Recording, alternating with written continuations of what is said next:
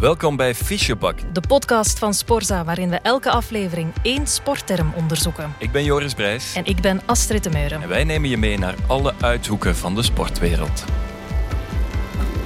Klosjer is dat niet. En 100% loopzuiver ook niet. Maar Het is toch uh, een stuur en twee wielen. Pomp mijn banden wat harder op. Dan krijg je de bang op een gegeven moment. Oh, oh, oh.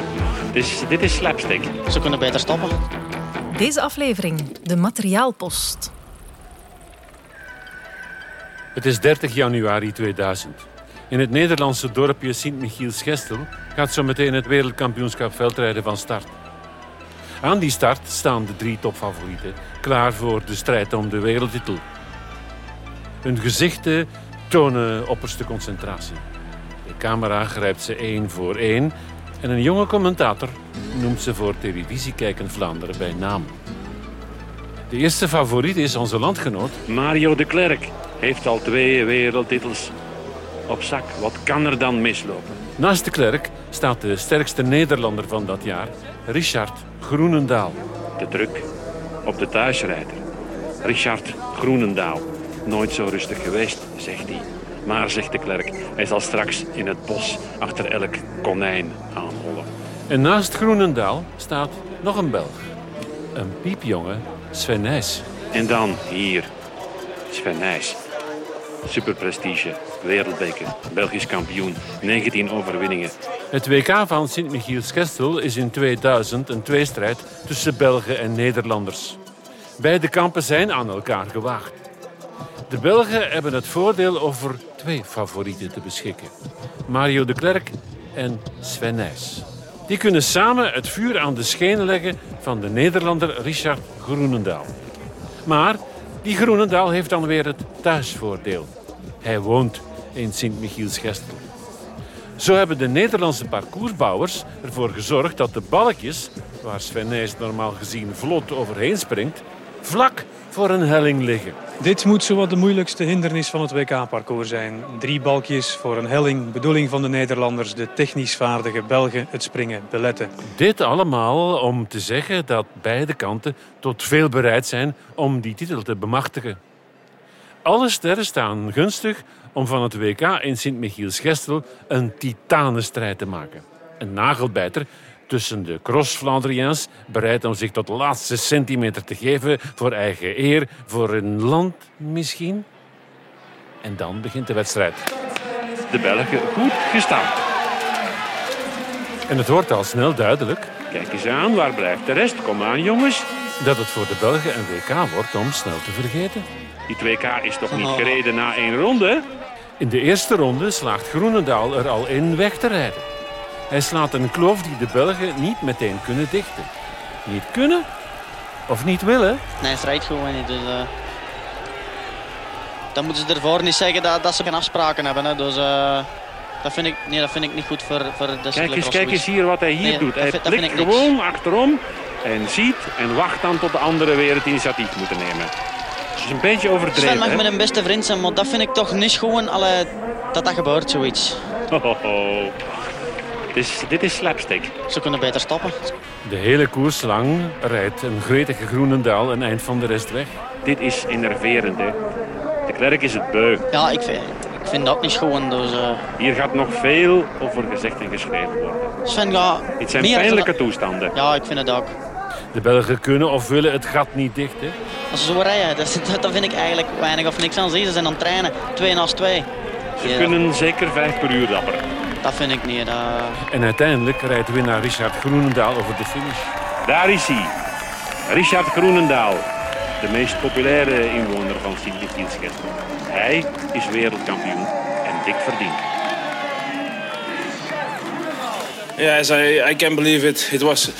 I started this race and I, with, with in my mind it's a normal race and I have to go and in uh, in the race I was I was riding in one trance and, and suddenly I was at the finish and it's it's beautiful.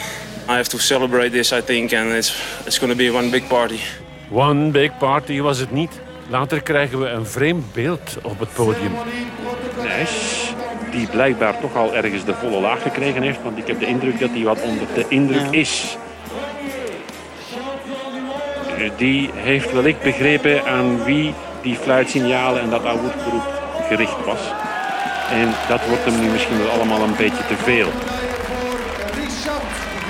Sven duidelijk in de knoei met zichzelf. Sven Nijs en Mario de Klerk huilen tranen met tuiten. Kijk naar die façade van Nijs. En kijk naar de tranen van Mario de Klerk. Wat is er toch gebeurd in het Belgische kamp? En Richard Groenendaal kan zichtbaar niet helemaal genieten van zijn wereldtitel. Er is iets gebeurd dat toch niet normaal is. Dus, eh, Nee, dit is niet normaal. Dit stinkt een beetje. Sven Nijs heeft het bijzonder moeilijk. Want hij wordt op dat moment gezien als de man die zijn land in de steek liet. Ik denk dat dit een podium is dat eh, nog lang gaat getoond worden, denk ik. Profetische woorden. Voor hij kan gaan douchen, legt Karel van Niekerken Sven Nijs nog even het vuur aan de schenen. Sven, laten we nog even doorgaan. Mario is gebroken, begrijpelijk. Hier zal nog veel, heel veel over gezegd worden. Je zal veel goed te maken hebben. Hè? Ondanks 19 zegens, ondanks de superprestige, ondanks de wereldbeker, ondanks je Belgische titel. Nijs kreeg na dat WK in 2000 nog lang het verwijt een landverrader te zijn. Nu ben je voor de Belgische supporters een lafaard, je hoort het. Nu wel. En daarom ben ik ontgoocheld. Ze moeten me maar begrijpen. Ik heb het daar echt moeilijk mee. Het ging zelfs zo ver dat hij dreigbrieven in de bus kreeg. Dat hele gebeuren had een duidelijk beginpunt. Het lag in de eerste ronde van dat WK in Sint-Michiels-Gestel. Daar waar Sven Nijs besloot om door de materiaalpost te rijden.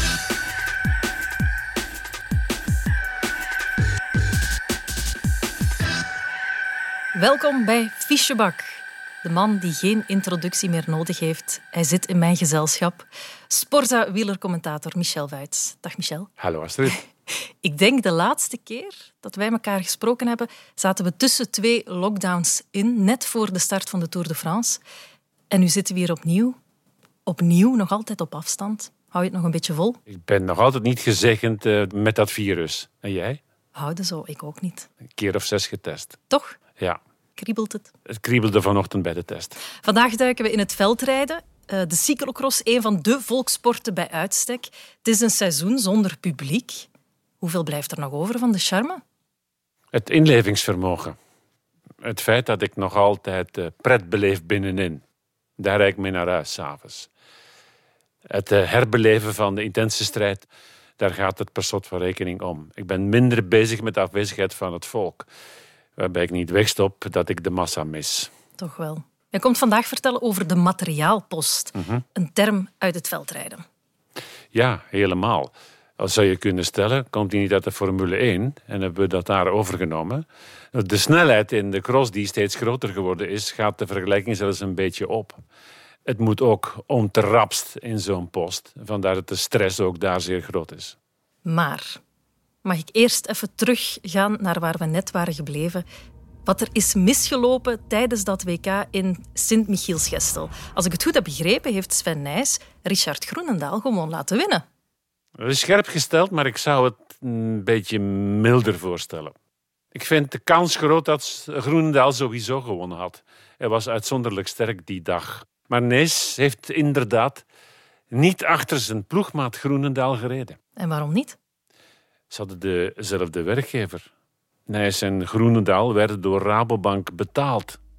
En voor dat eh, WK hadden ze een opdracht gekregen van hun toenmalige ploegbaas Jan Raas. En als Jan Raas sprak, dan had je maar één ding te doen: luisteren. Als er straks op het wereldkampioenschap één van jullie demareert, blijft de ander zitten. Haha, dus ze hadden gewoon op voorhand afgesproken om niet met elkaar in duel te gaan. Inderdaad, als een van de twee een voorsprong had, moest de andere blijven zitten. En dat gebeurde dus ook. Alleen had niemand dat zo vroeg in de wedstrijd verwacht. In die eerste ronde nam Groenendaal al voorsprong. Nijs en de Klerk bleven achter en moesten dus dat gat dichten. Maar bij Nijs zinderden de woorden van Jan Raas, hun baas, nog na. Dat gesprek van Raas kwam zo boven. Als er straks op het wereldkampioenschap één van jullie demareert, blijft de ander zitten. Sven durfde het gat dus niet te dichten. Want als hij dat toch deed, dan nam hij het risico Mario de Klerk, die niet voor Rabobank uitkwam, in zijn zog mee te nemen. De Klerk zou dan geprofiteerd hebben. En zo zou hij de overwinning van zijn eigen ploeg in het gedrang gebracht hebben. Dus wachtte hij af. En hoopt hij dat Mario de Klerk het initiatief zou nemen om de bres te dichten. Maar Groenendaal, toch 20 meter. En dan zien we daar Nijs die omkijkt, die nu eigenlijk de benen stil moet houden. Ja, mag niet rijden volgens de Rabobank. Dus, Nu gaan we eens heel even kijken wat het, de eh, klerk doet. Maar het werd al snel duidelijk dat de klerk het gat ook niet wilde of kon dichten. En dan kreeg je een povere Belgische tragedie. Overleg hier, Rabobank overleg tussen Nijs en Van der Poel. Wat doen we ermee? Wat, wat wordt daar nu gezegd? Goh, dat weet ik niet. Dat, dat, dat zou toch niet mogen. Hè. Doet dat voor de wedstrijd. Maar toch niet onder en zeker niet vlak voor de camera. Dus En nu even met eh, de klerk gaan praten. Ho, dit is slapstick. Ze kunnen beter stoppen. Ergens begrijp je Sven Nijs ook wel. Hè? We spreken hier ook over meer dan twintig jaar geleden. Piepjonge Nijs. Zijn baas heeft hem die opdracht gegeven en hij houdt zich daar gewoon aan. Terwijl hij weet dat hij zich daar absoluut niet populair mee maakt. Ja, eigenlijk zou je kunnen zeggen dat hij op dat moment Rabobank boven België verkoos. En hij deed niet eens moeite om dat te verstoppen. Dus wat Sven eigenlijk doet... Dus eh, ik zou het op een minder opvallende manier gedaan hebben. eh, want eh, nu kan heel de wereld zien, allee, of toch, hoe hij eigenlijk niet voor België rijdt, maar toch voor Rabobank. Dus eh, ik had het eh, gedaan alsof ik, ik, ik juist kon volgen of zoiets. Dus eh, dat valt nu toch wel hard op, vind ik. Dus, eh, ja. Suprematie van Rabobank. Dat was mijn, mijn broodheer. Eh, daar moet je naar luisteren. Hij heeft zijn keuze gemaakt. Inderdaad. En dat heeft hij mogen voelen ook. Sven vliegt. Ja, Maar af en toe hoor ik in dat rumoer, in die massa, een woordgroep. Dat dat hoedgeroep kwam niet alleen van België, dat kwam ook van Nederlanders. Dat kwam eigenlijk van al die mensen die daar op dat parcours stonden. Ik had het gevoel dat ik heel de wereld tegen mij had. Wat op die moment waarschijnlijk ook wel zo was. Ik, eh, tot op de dag van vandaag, Nu nog. nu nog, zijn er mensen die mij uitschelden. ehm vuile Hollander. Eh, moet jij geen oranje jasje dragen? Eh, dat gaat heel ver. In het begin was dat heel erg. Hè. Toen gingen ze mijn huis komen in brand steken en dreigbrieven met echt uit, zoals je dat in de film ziet. Hè. Echt zo uitgeknipt. Hele verhalen van mensen. Ja, dat ging heel ver. Maar dan krijg je bang op een gegeven moment. Dan krijg je echt bang. Ja, de cross. Ik zei het daarnet al, een volkssport. Het maakt iets los in de mensen. Dat is een understatement. Maar goed, ehm, mooi verhaal, sappig verhaal. Maar wat heeft dat nu te maken met de materiaalpost? Ja, om dat te begrijpen, dan zouden we eerst eens moeten uitleggen wat zo'n materiaalpost eigenlijk is. En dat is vrij simpel. Wow, wat een materiaalpost betreft is natuurlijk, eh, ja, zonder dat zou je niet kunnen crossen. Hè. Dus een materiaalpost is, is zo belangrijk. eh. Ja, de materiaalpost is waar je bij pech of bij vuil materiaal eh, je fiets kunt wisselen. Ik heb aan deze twee mannen gevraagd om me te helpen vandaag. Grotere kenners ga je niet snel vinden, want ze hebben het allemaal van heel dichtbij meegemaakt. Hallo, ik ben Paul Herrijkers, ex-wereldkampioen eh, 1994 in Kokzijde. Ehm, ik ben ook co-commentator, eh, de man eh, naast Michel Wuits. Ik ben Adrie van der Poel, 61 jaar. eh, oud wereldkampioen eh, veldrijden. De vader van David en Mathieu. En tot voor een paar jaar geleden heb ik eigenlijk eh, parcours gemaakt voor WK en voor wereldbekers.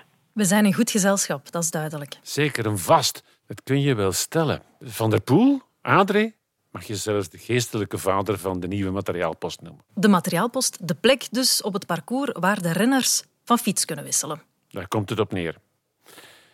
Nu klinkt dat op zich niet heel spectaculair, maar die materiaalpost is wel heel belangrijk om een cross optimaal te laten verlopen.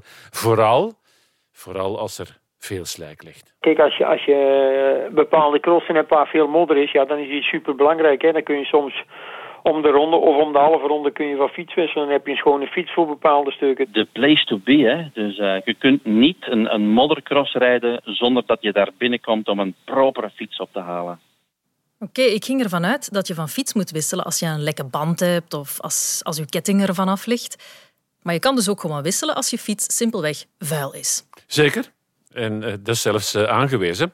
In het uh, veldrijden duurt het niet lang voor je als renner volledig onder de modder hangt. En je fiets dus ook. En na een tijdje heb je dan als renner zo toch wel wat extra kilo's aan je velo hangen. En in de topsport telt elk grammetje. Dus moet je wisselen. En dan blijft je materiaal beter. Ja, dat blijft gewoon beter. Dat blijft properder. Je kunt er weer terug beter op fietsen bij slecht weer is superbelangrijk. Kijk, bij droog weer maakt het niet uit. Ja, dan moet je alleen binnen als je lekker band hebt of andere mechanische problemen. Want, want daar rij je gewoon op één fiets rond. Maar ik zeg al, bij slecht weer is het gewoon uh, superbelangrijk dat het die is.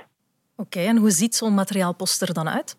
Wel, zo'n uh, post ligt naast het parcours en is er ook van afgescheiden door lint en hekken.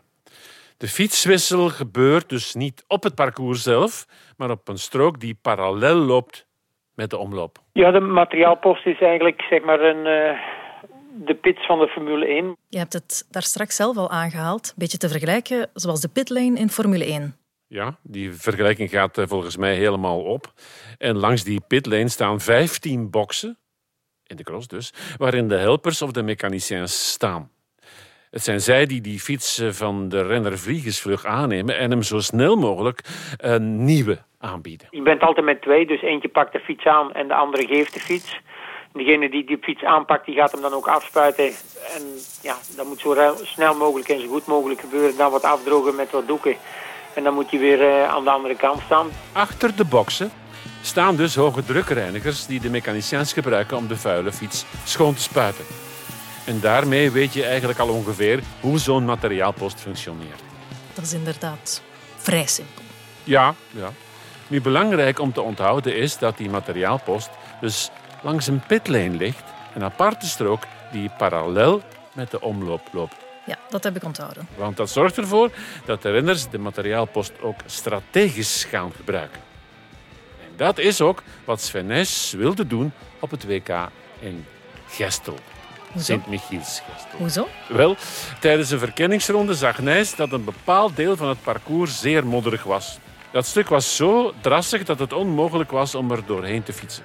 Je moest van de fiets er doorheen lopen, wat trager is.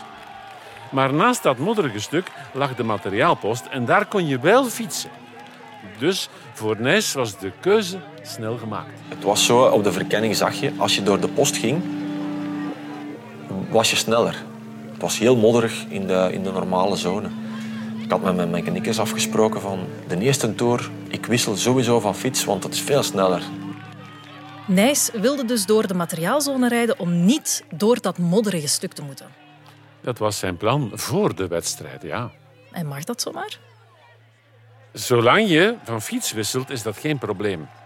Als je erin rijdt, moet je wel wisselen. Hij wilde dat overigens niet elke ronde doen. Alleen in de eerste, om zo al vroeg in de wedstrijd wat voorsprong op de rest te nemen. Slim. Bijzonder slim. In theorie tenminste.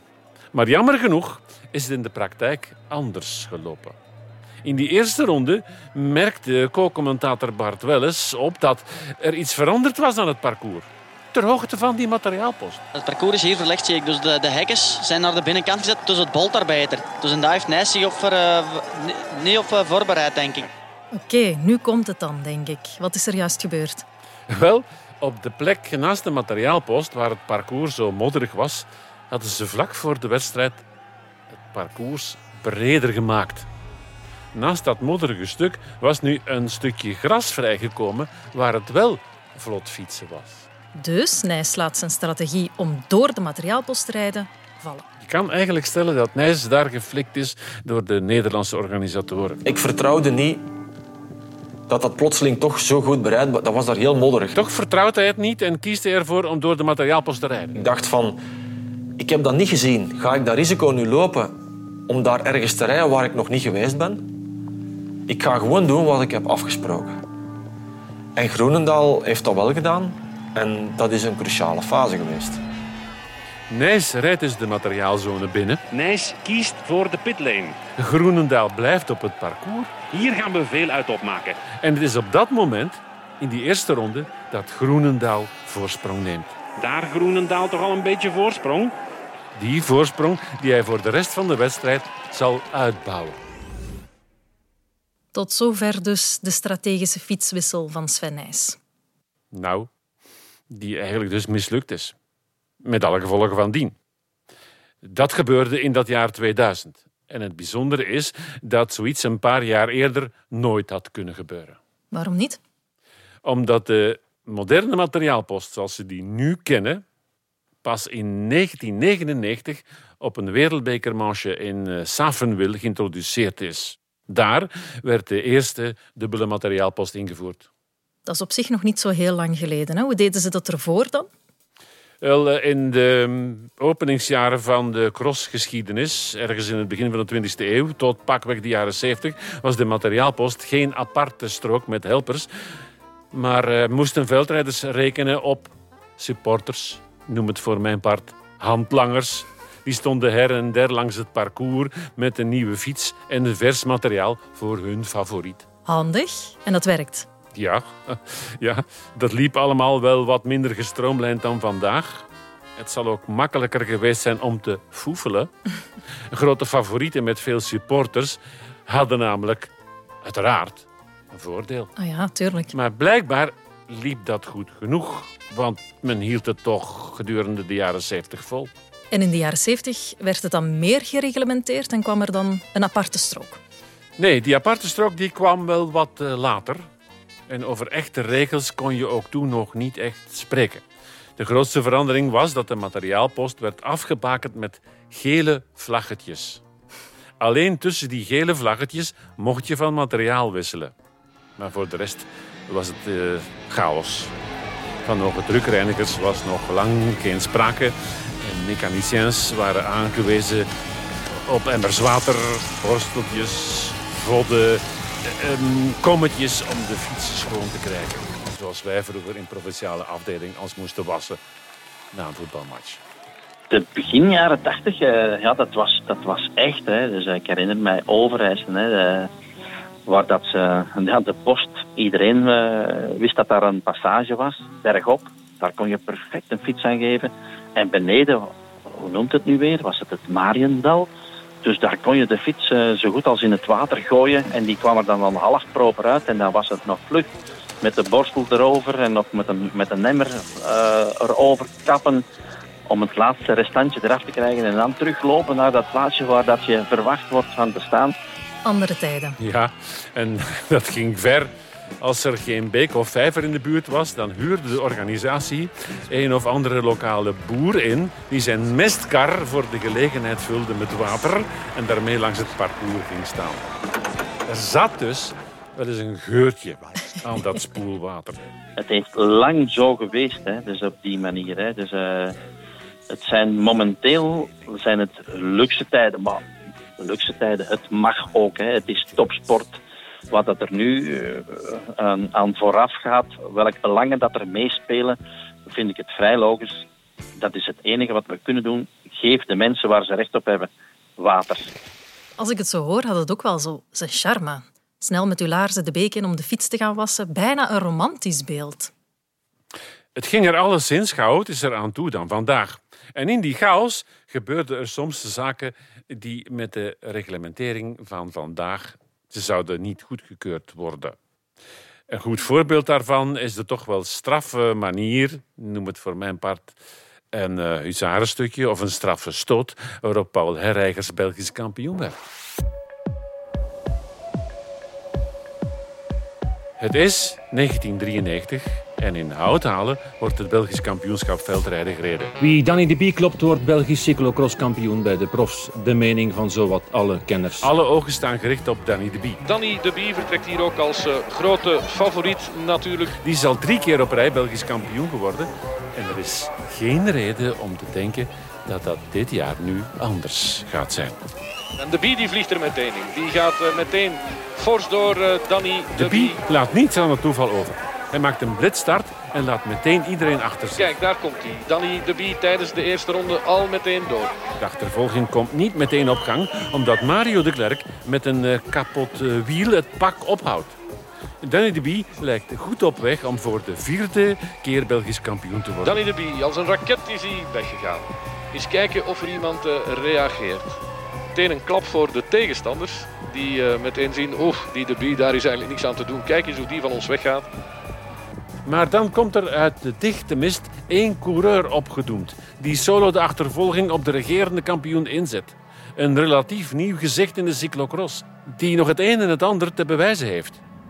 Paul Herreigers. Dit is Paul Herreigers, die zijn beste seizoen aan het rijden is. Paul Herreigers daar in de tweede positie. Dan de Bie aan de kop. Zover rijdt het nog niet voor Paul Herreigers uit. Ja, het verschil is kleiner geworden tussen de Bie en uh, Herreigers. Ja, het verschil is niet groot. Uh, nee. Net zo'n beetje. Dan we zijn bijna bij elkaar. Hè. Ja, ja. En kijk, Danny kijkt voortdurend om. Hij voelt hem ook in zijn nek. Dus. Ik geloof in mijn kansen zo, want ik had een paar keer al gewonnen van tevoren. Dit is trouwens een jongere Paul Herreigers. Hè, dus ik weet nog goed dat ik in september beroeprenner werd. Ten 1 september werd ik beroeprenner.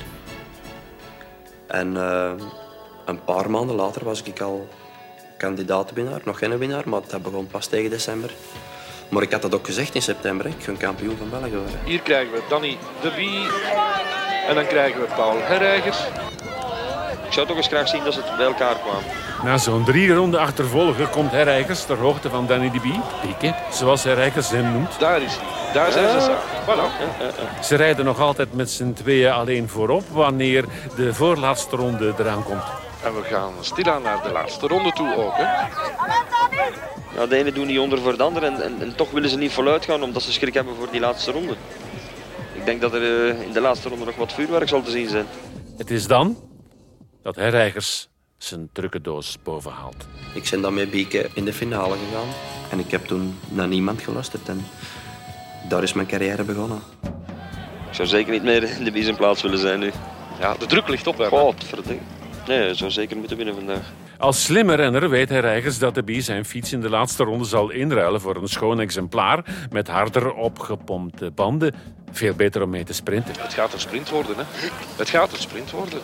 Ja, dat kan bijna niet anders meer. Want waar gaan die twee elkaar nog eraf krijgen? En wanneer die twee koplopers in de op na laatste ronde voorbij de materiaalpost rijden, Hier komen we bij een materiaalpost.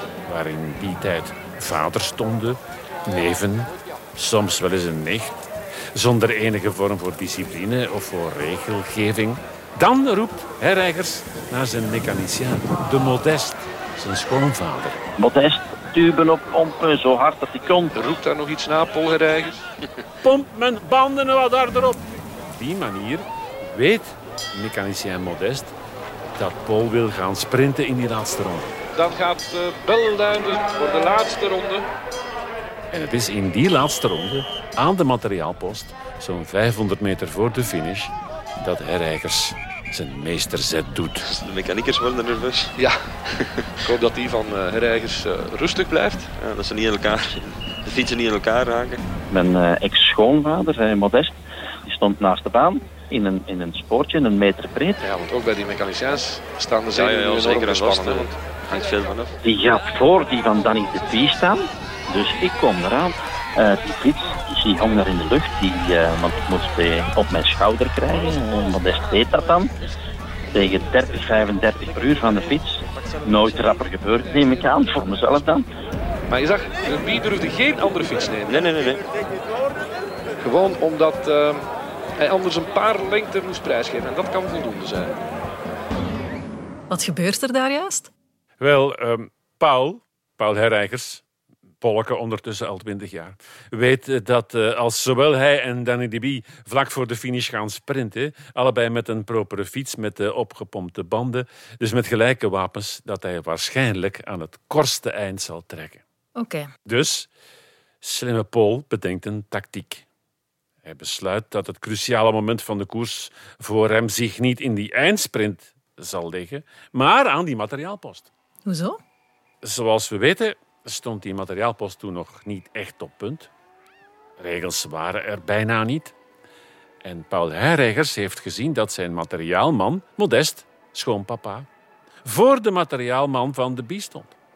Dus als Herreigers ervoor kan zorgen dat hij in die laatste ronde ter hoogte van die post voor de Bie rijdt en een hele snelle fietswissel kan doen voor de biesneus, dat de kans groot is dat hij die laatste 500 meter ingaat met een voordeel op Bieke. De Hmm. bie dus. Wacht, wel, welk voordeel juist? Ja. Beeld je even in dat je Danny de Bie bent. Je rijdt zo meteen voor de laatste keer voorbij de post. Je bent van plan om van fiets te wisselen. Het kost een beetje tijd. Maar dat brengt wel voordeel op in die eindsprint. Die propere fiets, wat minder kilo's, geen modder meer. Banden zijn geoptimaliseerd voor de sprint. Je tegenstander gaat trouwens waarschijnlijk ook wisselen van fiets. Dus jullie gaan evenveel tijd verliezen. Tot daar ben ik mee. Maar dan, vlak voor de post, schiet je tegenstander je verschrikkelijk rap voorbij. Hij springt als een beest van zijn fiets, neemt een nieuwe fiets aan, legt die over zijn schouder en springt op dezelfde snelheid verder. Je kijkt naar je eigen materiaalman, maar die wordt gehinderd door de materiaalman van je tegenstander. Nu nog van fiets wisselen, dat gaat niet van een leien dakje lopen. Wat doe je dan? Ik zou zeggen, ik wissel toch van fiets en ik reken erop dat ik herreigers er in de eindsprint wel afrijd. Gevaarlijke keuze.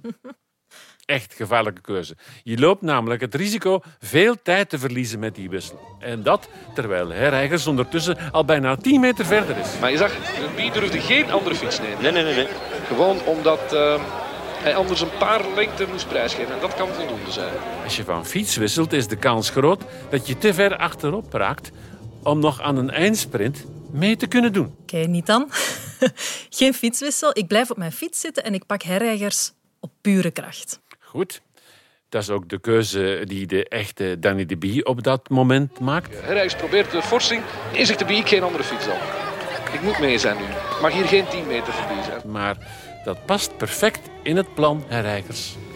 En hij had geen gepakt. Vanaf toen benen stil gedaan met trappen. Ik liet hem terug bijkomen, want ik had al wel 5 meters, maar dat was niet genoeg voor, voor dat te riskeren.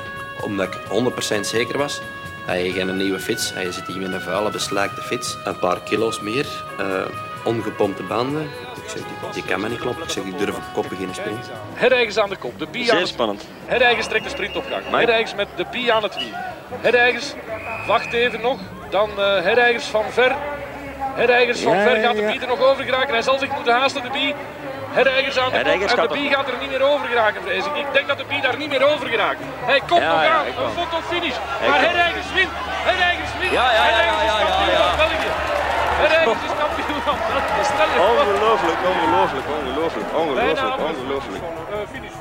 eh, Dat is een mooie winst, een slimme winst ook wel vooral. Want hij had de Bie eigenlijk bij die materiaalpost al volledig buitenspel gezet. Helemaal waar.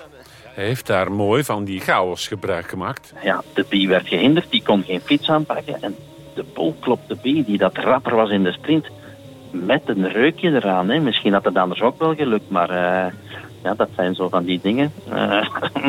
Closure is dat niet en 100% loopzuiver ook niet, maar het was de realiteit. Het was niet meer een materiaalpost. Het was eh, ja, finish zijn, op je hoede zijn en, en, en slimme mannen in de post hebben staan. Over jezelf praten in de derde persoon werkt ook altijd. Hè? Maar goed gespeeld. Eh, zeker. Paul wilde absoluut heel graag winnen die dag. Werd daarvoor altijd een beetje bestempeld als kermiscrosser. En eh, dat eh, imago heeft hij, heeft hij van zich afgeschud. En naast die tra- strategische fietsenwissel had hij ook nog een tweede troef achter de hand. Om meer snelheid te halen in de sprint had hij zijn rem opengezet achteraan.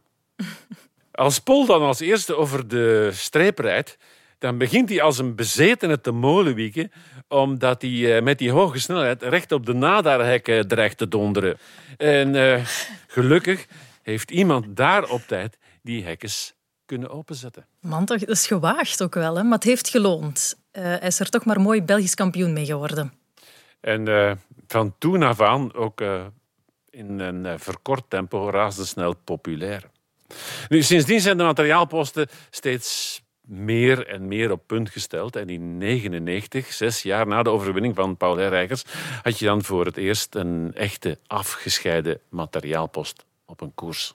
Een materiaalpost zoals we die vandaag kennen. Nog niet helemaal. Als je vandaag over een materiaalpost in de cyclocross praat, dan heb je het uh, 95% van de tijd over een dubbele materiaalpost.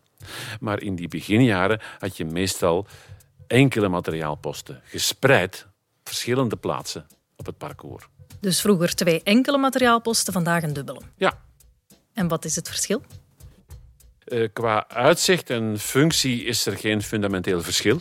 Het verschil zit hem in de efficiëntie. Als je op een parcours moet er twee punten zijn waar je van materiaal kunt wisselen. Oké. Dus dan denk je, ik zet er eentje hier en een ander daar. Ik zorg ervoor dat dat allemaal een beetje correct is qua afstand en klaar is Kees. Maar dat zijn dan wel twee enkele, dus aparte materiaalposten. En een dubbele?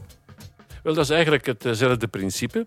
Op het parcours zet ik een materiaalpost hier en eentje daar. Maar het verschil is nu dat die twee uh, aan elkaar vastgehaakt zitten. En dat die twee materiaalposten dus met elkaar verbonden zijn aan de binnenkant. Je zet die posten op een plek die breed genoeg is, waar die twee delen van het parcours dicht bij elkaar lopen.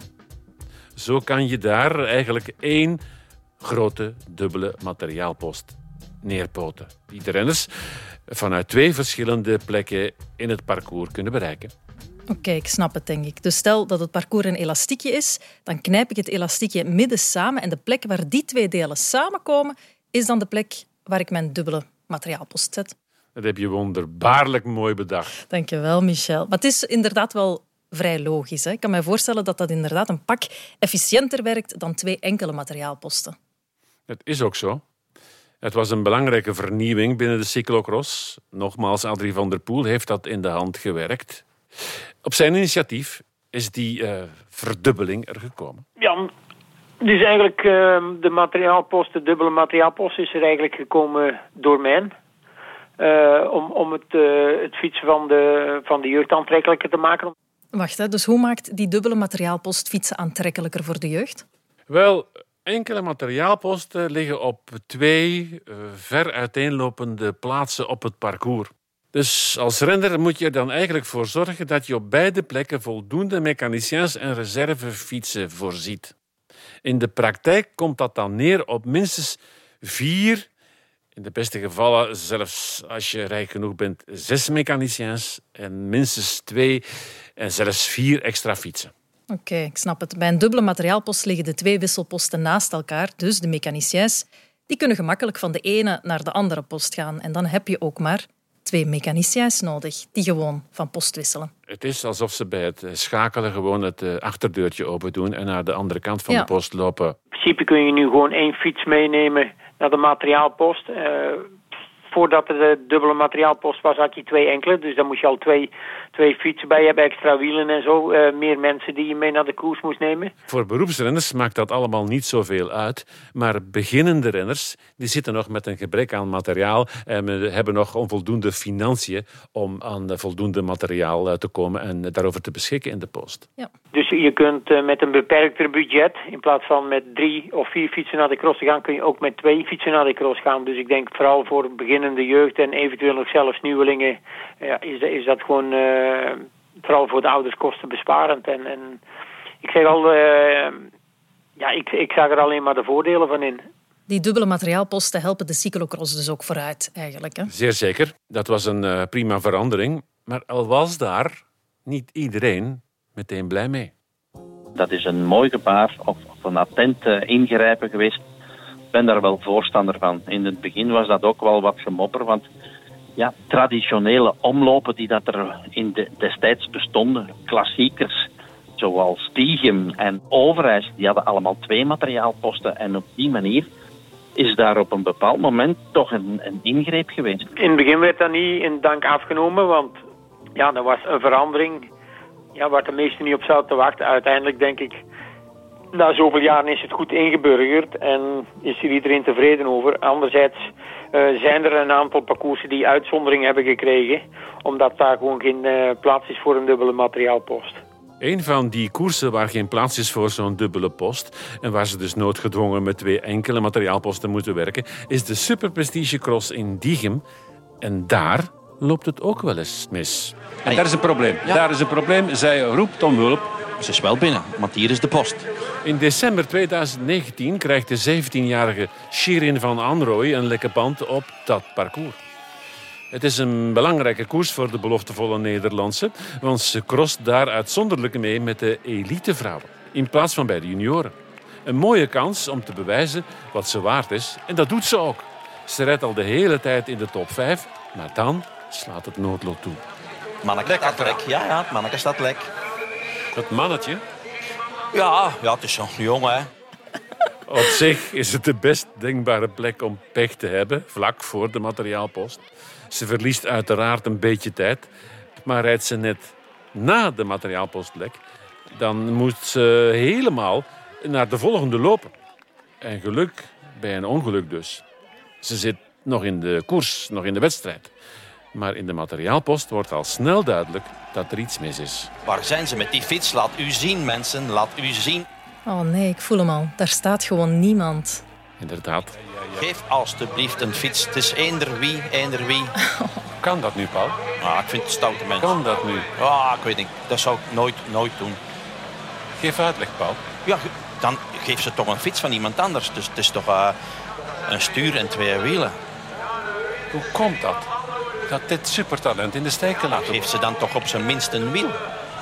Maar waar Ja, staan, waar staan de mensen van haar? Ja, twee, twee materiaalposten. Misschien is dat het probleem. Ah, dit is een schande wat ze daar allemaal... Waar staan haar mannen? Ja, in de andere post beneden. Amai, Hoe kom je daar nu bij? Ja, ja, ja. Daar is mijn verstand ook te klein voor. Hè. Heb je dan onvoldoende volk bij om twee posten te bezetten? Ja, of on- onvoldoende materiaal. Maar dat kan ik dan ook wel niet begrijpen. Dus...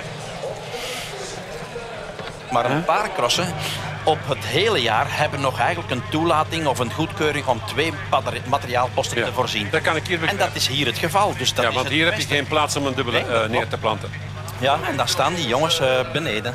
Ja, maar daar moet je toch wel wat eh, Ja. op verzinnen. Ja, het is, het is gedaan, hè, want die moet nog die moet dus het is- bijna een hele ronde gaan rijden op een lekke tube. De aanblik is troosteloos. Ja. Plots hoor je niet meer bij. Plots heeft iemand gezegd... Nou, het is over en uit. Dat is heel pijnlijk. En vooral heel, heel jammer. Het is toch een mooie ereplaats die haar door de neus geboord wordt. Ja. Maar goed, enkele materiaalposten zijn dus terecht uitzonderingen geworden. Dat is waar. De dubbele materiaalpost is nu de norm. Al blijft de materiaalpost voor de nodige hectiek zorgen. Oh, je bent eigenlijk eh, met, met, met je eigen renner bezig. Hè? En als het echt werken, werkendag is, zeg maar, dan, ja, dan ben je veel meer met, je, met jezelf bezig. En met je renner als, als met, je- met de omgeving. Dus ja, het is altijd wel ja, stressvol, wil ik nou niet zeggen. Maar het is toch wel gewoon eh, dat je nu heel eh, attent moet zijn. Maar als er stress is, is- er stress. Dus daar kun je niet onderuit. En, en als er tekort aan water is, is er tekort aan water. En, en aan lansen en aan eh, hoge druk. En stel u maar eens voor, eh, het komt erop aan en, en de fiets geraakt niet klaar. Dan denk ik wel dat daar gevloekt en getierd wordt. En eh, ja, dat is tegen de miljard, zeg maar. Miljard. In die hectiek kan er al wel eens wat mislopen. Zoals bijvoorbeeld Europese kampioene Jara Kastelein... die binnen de gele vlaggetjes een lekke band krijgt. Terugloopt naar de ingang van de materiaalpost... en daarbij een concurrente ramt. Kastelein, ja, die mag teruglopen. Die mag teruglopen. Die... Ah, jij brengt er wel iemand ervan. Ja, nee, dat is... In dat teruglopen heeft ze iemand de bal gebracht. Ja, dat is de, de, de wetgeving dat dat toelaat. Hier gaan we dat nog eens bekijken. Daar eh, zie je dat ze terugloopt. En dan, Ja, ja. dan komt Verdonschot. daar Verdonschot onzacht in aanraking met de terugkerende kastelein. Ja, misschien gaat dit eh, een poort openen. Dus eh Verdonschot heel boos.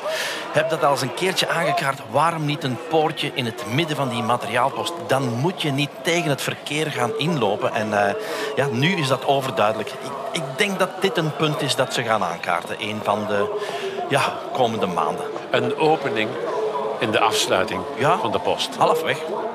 Mogen we stellen dat het nog niet volledig op punt staat? Nee, het is nog niet 100% optimaal. Maar goed, ehm, waar er hectiek is en waar de stress welig tiert... kan er al wel eens wat fout lopen. Ook bij de echte toppers overigens. Wisselde bij Van der Poel, ook Van Aert met een wissel. Opzij, daar de wissel. En daar de fiets vergeten. Ai, ai, ai, ai, ai, ai, ai. Was met dat drie, vier, vijf seconden weg.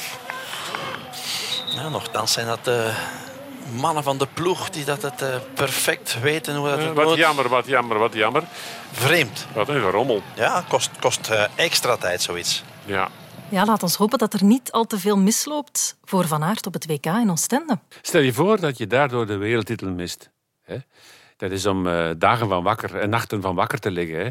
Dus dat kun je maar beter vermijden. Maar op die manier begrijp je ook hoe hoog de stress is bij topmomenten. Vooral bij wereldkampioenschappen en eh, nationale kampioenschappen in zo'n post. Je kan daar dus maar beter eh, mensen met eh, kennis van zaken neerpoten en mensen die stressbestendig zijn. Hè? En dat hebben de toppers ook wel. Ik ga het volgen zoals altijd onder mijn vlieseke in de zetel. Jij een volle actie. Niet onder een vlieseke. Ik neem een sauseke mee. Geniet ervan. Veel succes. Dankjewel, Michel. Ik kijk er naar uit. Ik kijk er naar uit.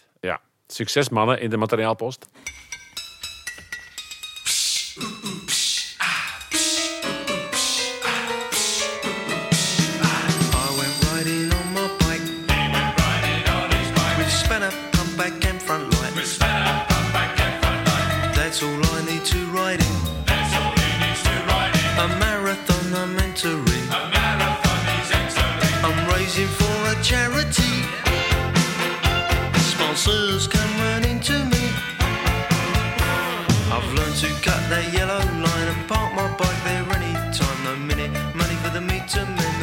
Jack's up to pay today. The petrol pump's been blown sky high.